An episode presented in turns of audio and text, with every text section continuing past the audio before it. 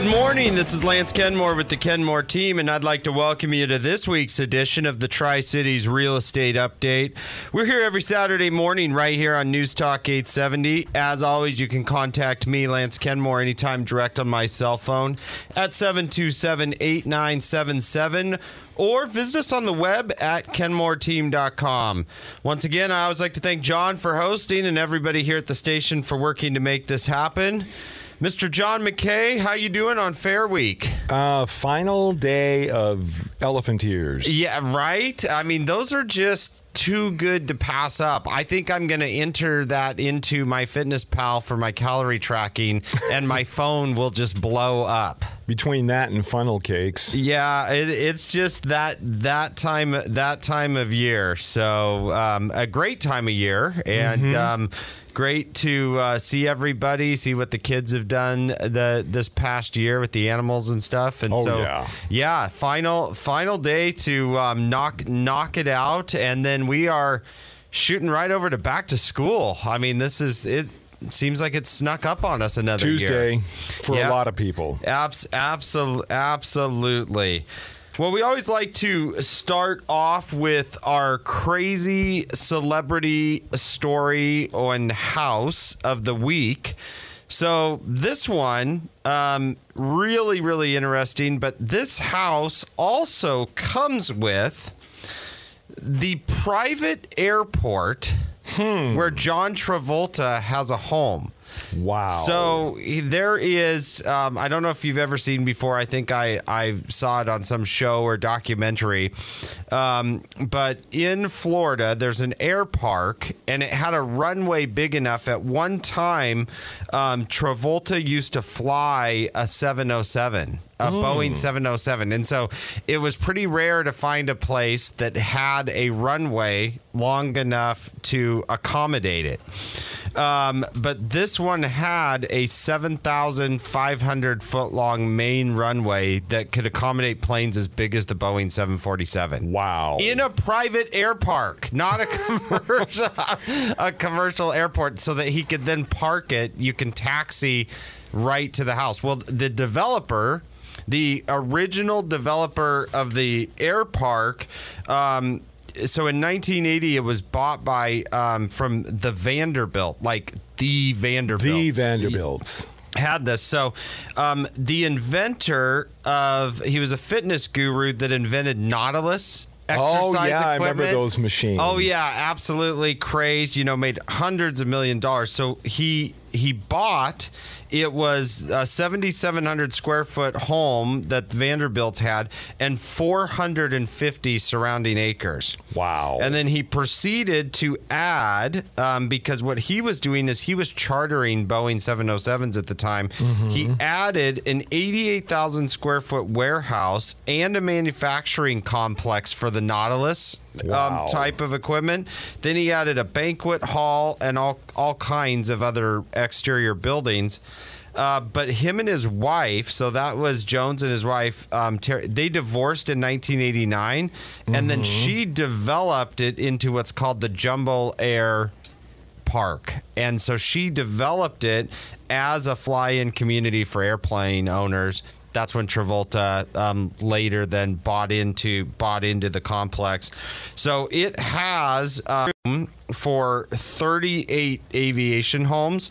So 21 of the lots they already sold, but this sale, this 10 million dollar sale, includes um, the airport and 20 um, or not 21 17 of the remaining lots wow. that you could then potentially sell off to potential plane owners and it, and stuff. I had to really dig into it at first to see. I thought it was just a house at the airport, but it, it is the house and the air park. So, um, what really where my mind immediately went to in real estate is. What are the HOA dues? to me? to Wow. I, I, I mean, it was not mentioned because you're buying, I, I'm sure, the business and the financials, but can you imagine what the HOA dues are to maintain the freaking runway and the property and everything that goes along with that? I think That's um, kind of nutty. I think that goes back to the old adage: if you have to ask, You can't afford. So, so I'm asking. I'm definitely a- asking for sure. So it'll be cool to see what um, eventually happens with that property and what that what that sells for. Uh, For all of the stories we list, though, I mean, 10.5 million didn't seem like it was out of line for all of the lots and control of the airport. So Yeah. it, it would be interesting to see. There must be something we don't know, as Paul Harvey used to say. It'd be interesting to know rest the rest of the story. of, the story. So it'd be Yeah, fun to see. there's uh, there's some ancient burial ground underneath one of the runways, or something. or some people are not paying their HOA dues. I mean, Yeah. who, know, who knows? I, I think there's a lot, or maybe the runway needs updated. I'd hate to think what that costs. So Cool. it, it'll be interesting to see where that ends up and and what happens there. Well, on to our local real estate story. Um, One of the things we talked about last week is I, I had brought a lot of the market stats for the three different cities. We were kind of comparing Richland, Pasco, and Kennewick. And as we wrapped up that show, I call it my geek out on statistics show. But as we wrap as we wrapped that up, I realized that I had gotten through about a third of it. So I, I thought it was prudent in in at least the first half of the show today. Th- there were a couple things that I that I really wanted to get to that I didn't. So this is this is part two of the geeky statistics, kind of um, just a little past mid year check in. Where are we at as we go to wrap up 2019? So one of the things that I did not get to talk about was where we were at with, for instance, average um, sales prices. So, w- what are properties for sale? What what what are they asking in the three in the three different cities? And so, what does that look like as an ask price? So we'll start in Richland. Richland had the highest average for sale price.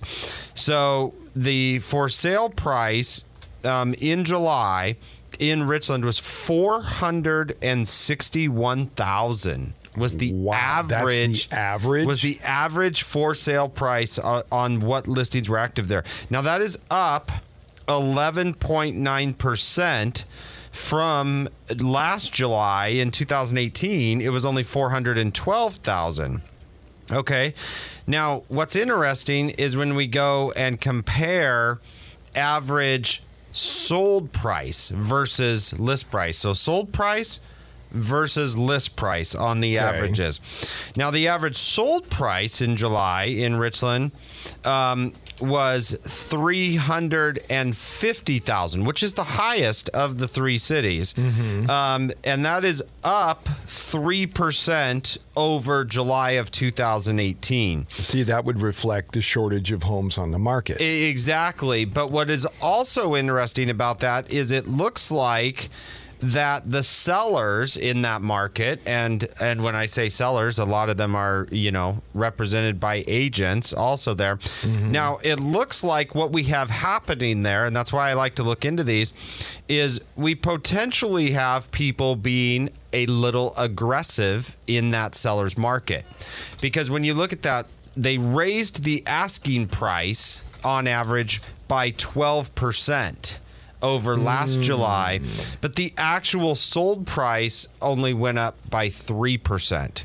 Okay, so now we're getting that's a pretty big statistical spread that you really want to watch out. And that's when we're going to start to see we're going to start to see and look at um, where does that peak start to change a little bit? Where where do things get to be too much? as far as the asking price. as far as the asking price. And then what will happen is I think what we'll see is that is a leading indicator of then an increase on days on the market. So when we see a big spread like that from ask price to sold price, I think what will happen is it's a leading indicator is we think what we'll actually see is we'll see days on the market um, we'll see days on the market start to creep up because of that. That's too big of a spread for that city. So let's take a look at Kennewick. Let's see what Kennewick did. Kennewick's average um, um, list price in July was 403,000 versus Richland, which was 461. Mm-hmm. Now that um, represents an increase of 2% okay. from last year in in July.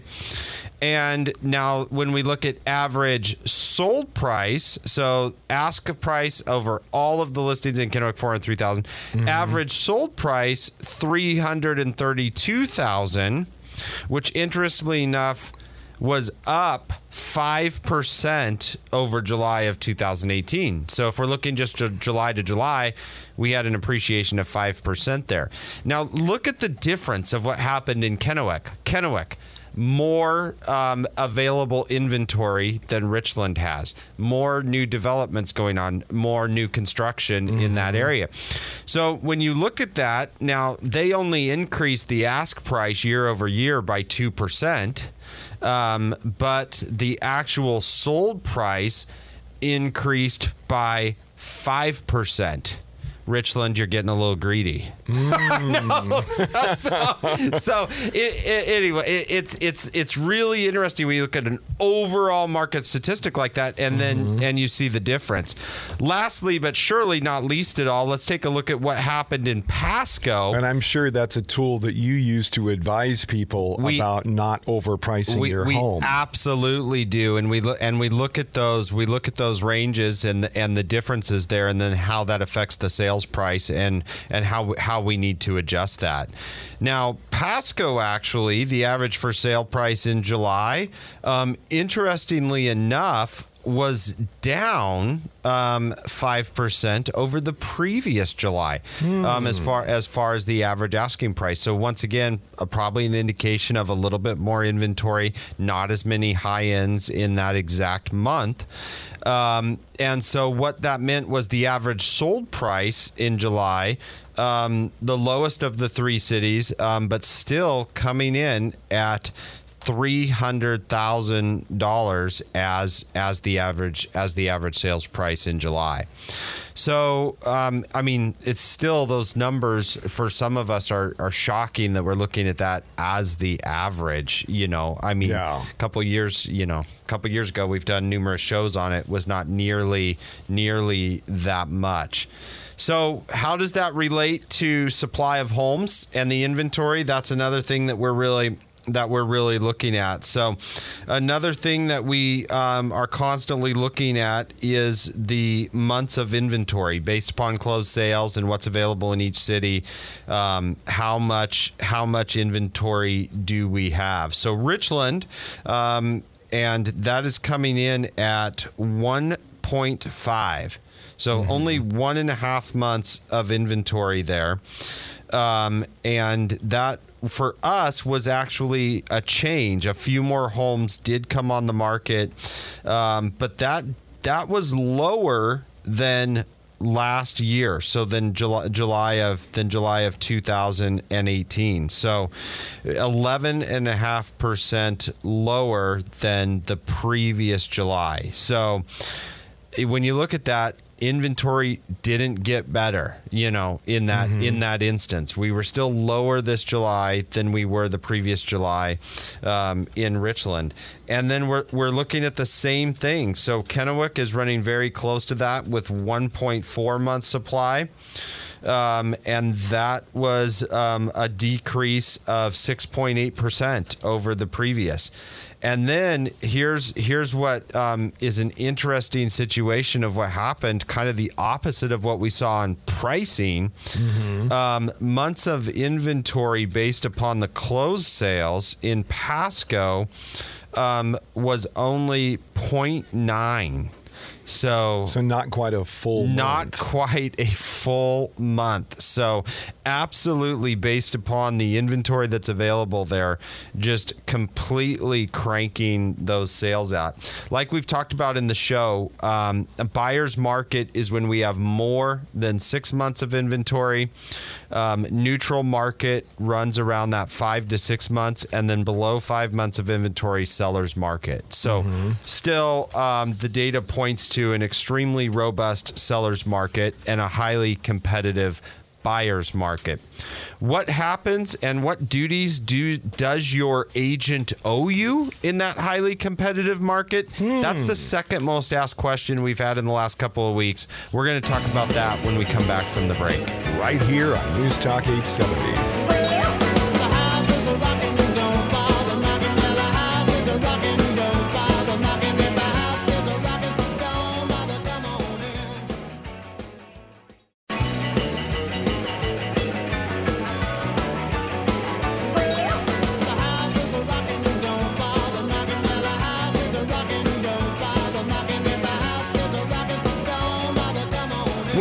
Back to the Tri Cities Real Estate Update. We've been talking um, mid year statistics, taking a look at the market. Still just uh, screaming along here in Tri Cities with our lower inventory. Uh, but it's an exciting time of year. There's a lot of newer developments that are starting to come online and open up to where I think we'll see that inventory finally start to uh, creep back up and have some opportunities coming up for buyers. One of those is it's crazy to think, but I mean, next month, um, before we know it, uh, Parade of Homes is here. Yeah. So, I mean, you're going to start, yeah, you know, you've seen a little bit of press about that and start seeing that come out. And we'll, we'll do a show specific to talking about that and, and go over what's happening there. But that's also, it's an exciting, September's a exciting month for real estate. People get settled, they get back into school and their routines and start to make some decisions about uh, wrapping up some places or moving uh, before the holiday season and, and getting that done. One of the things we like to do is we like to talk about some properties that have gone active in a lower inventory market. Um, let's take a look about some incredible properties that we have put on the market. Um, pick number one that I have here. This is just an incredibly um, estate like property 83001 East Sagebrush Road in Kennewick. And this is a five bedroom, three bath rambler with a bonus room. And it is on just a huge lot that has, get this, a six plus car garage. Wow. So 3,400, you know, 3,400 square foot house, six plus car garage. Um, it has great room living, vaulted ceilings, barn doors, wood floors, tons of tiles. Um, and then you go into this kitchen, crazy, big, huge island, Bosch stainless steel appliances, coffee wine bar nook, large walk-in pantry. Um, then you've got Andersen sliding doors onto a 26 by 20 sunroom. I mean, it just goes on and on. So this is just under an acre, 0.84, fully fenced with a block wall um, and wrought iron fencing that backs up to a vineyard. Um. I mean, I mean, the place is absolutely just incredible. Um, then that huge six plus garage that I talked about did that. They did that really cool setup where they not only have your doors on the front of your garage, but you have the rolling door on the back, so you can just take the mower and all your tools out the back. So absolutely amazing. We've had those colorful sunsets this last week, you know, with the pink and purple. Anyway, this just takes all of that into account. And that's coming in at 739.9. So you just I don't even think you can build it for that No. right now. And so what's there is just an incredible opportunity. If you've thought about doing a custom build with similar type specs, you're going to want to take a look at this because you can't build it for that right now. Pick number two, going out to Benton City, 10808 West Accord Road out there. And this is another just stunning panoramic views property. This is a custom four bedroom, three and a half bath house plus an office. And this one is on almost nine acres. Ooh. 3,587 square foot house on just under nine acres. Gorgeous hardwood floors, main level great room concept, big fireplace, gourmet kitchen has granite, island. Absolutely. I mean, so you're getting country living, but your house feels like you're right in town with custom newer construction. Um, you've just got lower level family room, tons of flex space, um, 24 by 30 shop, which it's wired for the 220, so you can do your welding projects, McKay. Um, and it is just pri- that one's coming in priced at 525. So a lot of value there for that property. Pick number three, back into Kennewick, 401 West 11th. This is a move-in ready three bedroom, two bath Rambler that's had some awesome updates.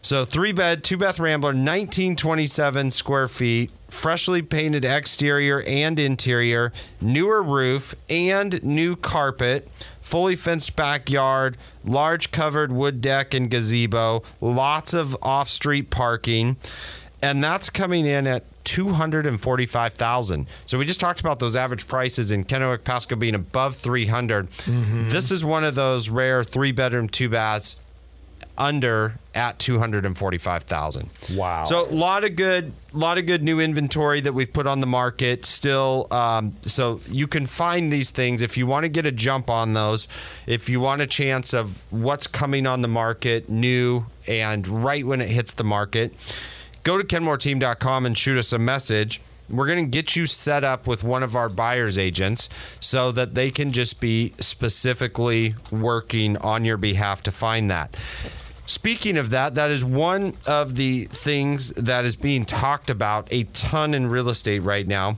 And we get that question.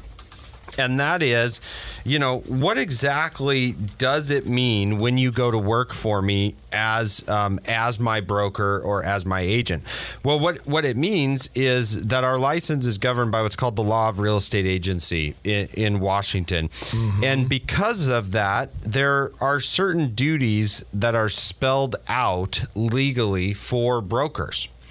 And so one of those, and in fact, within that section, um, it talks about the duties of a broker generally. And then we can talk even more specifically. It calls out what a buyer's agent must do when working for a buyer. But in general, it says specifically to us, and I'll just read it so word for word so we don't mess it up um, and make no mistake about how it's written. Um, duty number A um, states um, under duties, section three, duties of broker generally, that A, the very first thing, and I think you would expect this, but it's down, is you have to exercise reasonable skill and care in in what you're doing. And so, what does that what does that mean? Well, for instance. Um, one of the things that comes up and, and that they talk about, in fact, uh, the Washington State Realtors attorney, um, through what we have this thing called a legal hotline, she took a question this last week that said, Hey, my company doesn't have a property management division, but I want to help my friend lease out their house and do the lease. Well, she wrote back and she said, okay, your license technically allows you to do that, but uh, are you necessarily qualified to do that?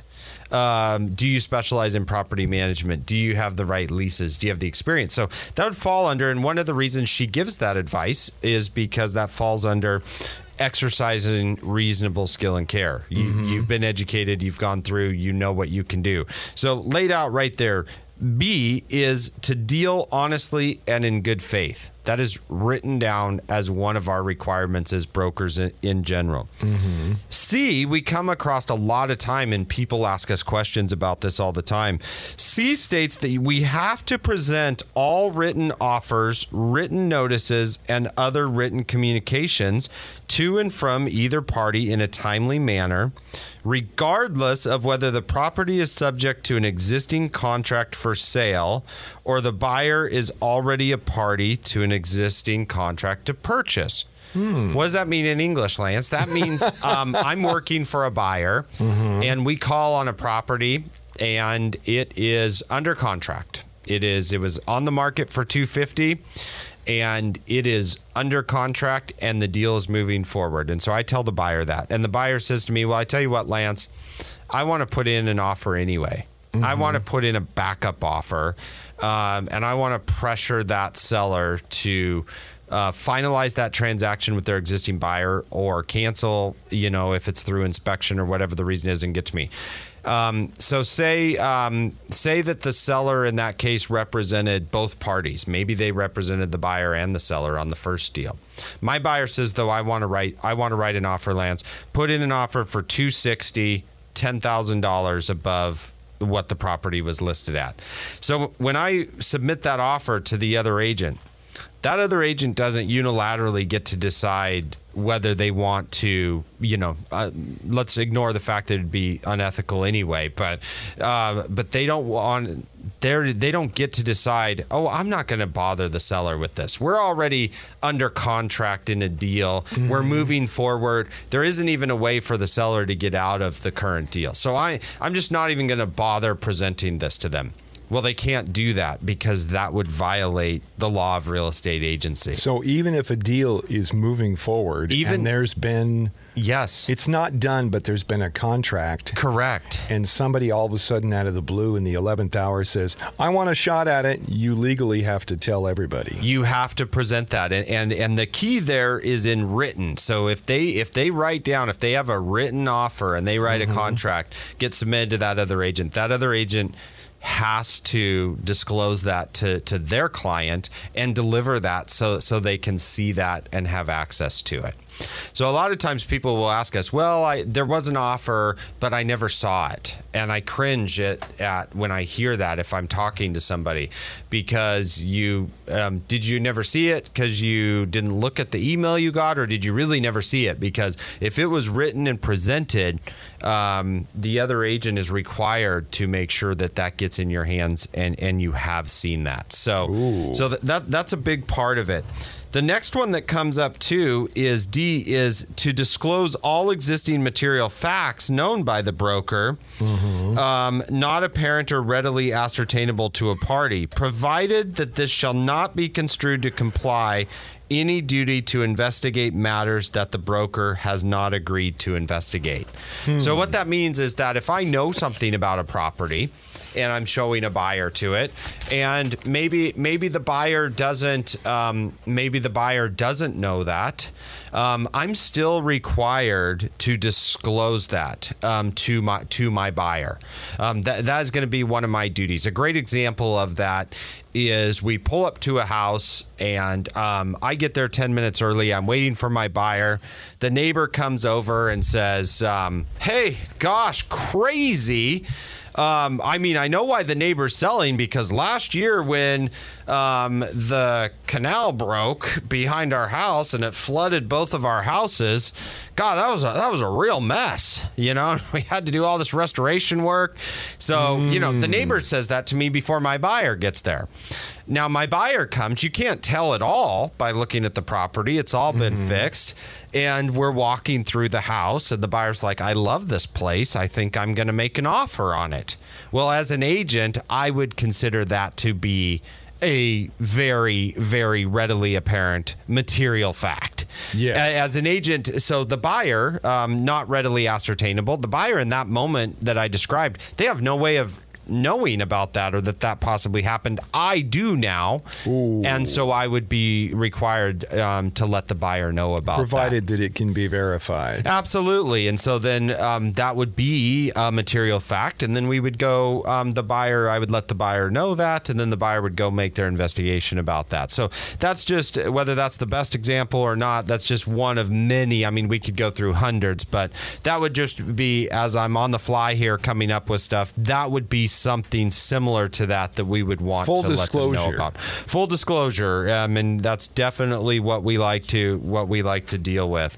So it's kind of like the real estate version of Carfax. yeah, yeah, you're you're you're absolutely right. If there was now insurance guys, we've had insurance guys on the show, um, and they have what they call a CLUE report, and that is when we get into insurance. In fact, you just gave me a reminder. It's been too long since we've had a homeowners insurance guy on the show, um, but we should have them come on and talk about that report um, because the insurance industry actually has something very, very similar to that. So if some things have happened to the house that could potentially affect Correct. Like if there's been a water damage claim, the filed. owner can't hide it by not telling anybody. You're absolutely correct. If they've had Mm. work done in insurance claims um, from past shows, we've talked to insurance agents, um, and yeah, we'll have them on the show and, and explain a little bit about that report to us. That'd be a fantastic show coming up. So those are some of the things that we are legally required to provide as services as a broker in general, and that's really Mm-hmm. what kind of can um, separate us just from somebody out there going out there doing it doing it on their own accord. Yeah. um, is this is these are things that we are held to a higher standard by that law that we have to that we have to abide by.